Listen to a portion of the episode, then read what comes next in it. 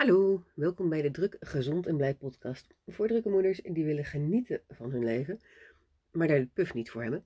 En dus beter voor zichzelf willen zorgen, maar die ook denken, hoe dan?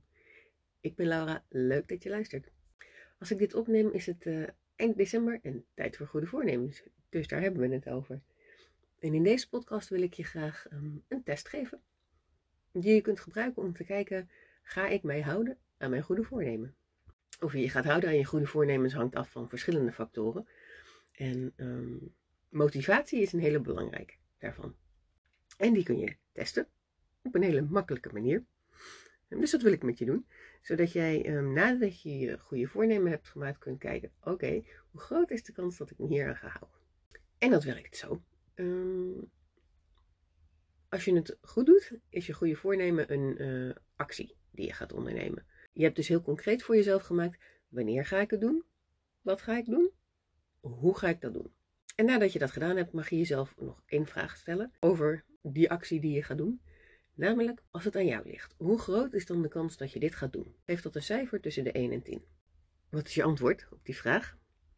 Welk cijfer geef jij aan de kans dat je je, je goede voornemen gaat uitvoeren als het aan jou ligt? Ligt dat cijfer onder de 8? Kun je het dan misschien omhoog krijgen door um, de actie kleiner te maken of de periode waarover je je voorneemt om het te doen kleiner te maken.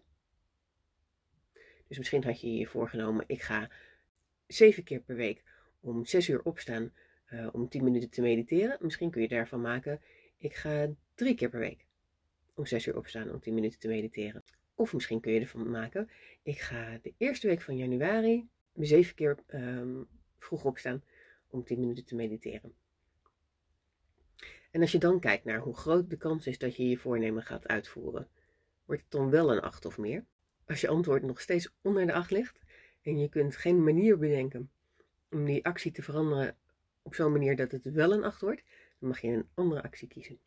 Dat zeg ik niet om gemeen te zijn, dat zeg ik omdat keer op keer blijkt dat als je motivatie uh, niet minstens een 8 krijgt op het moment dat je gaat beginnen, dat de kans dan heel klein is dat je het vol gaat houden. En dat gun ik je niet. Ik gun je dat je je houdt aan je goede voornemens. Dus moedig ik je aan om een andere actie te bedenken waarvoor je je motivatie wel een acht of meer kunt geven. Deze test zit ook in mijn uh, online training, mijn beste goede voornemen ooit. Maar ik wilde hem ook hier uh, met je delen in deze podcast, omdat het zo'n goede, krachtige test is om te kijken uh, of, of je op de goede weg zit. En ik hoop dat dat zo is. Ik hoop dat je goede voornemens hebt gemaakt waarvan je denkt, ja, het is niet een 8, het is een 10.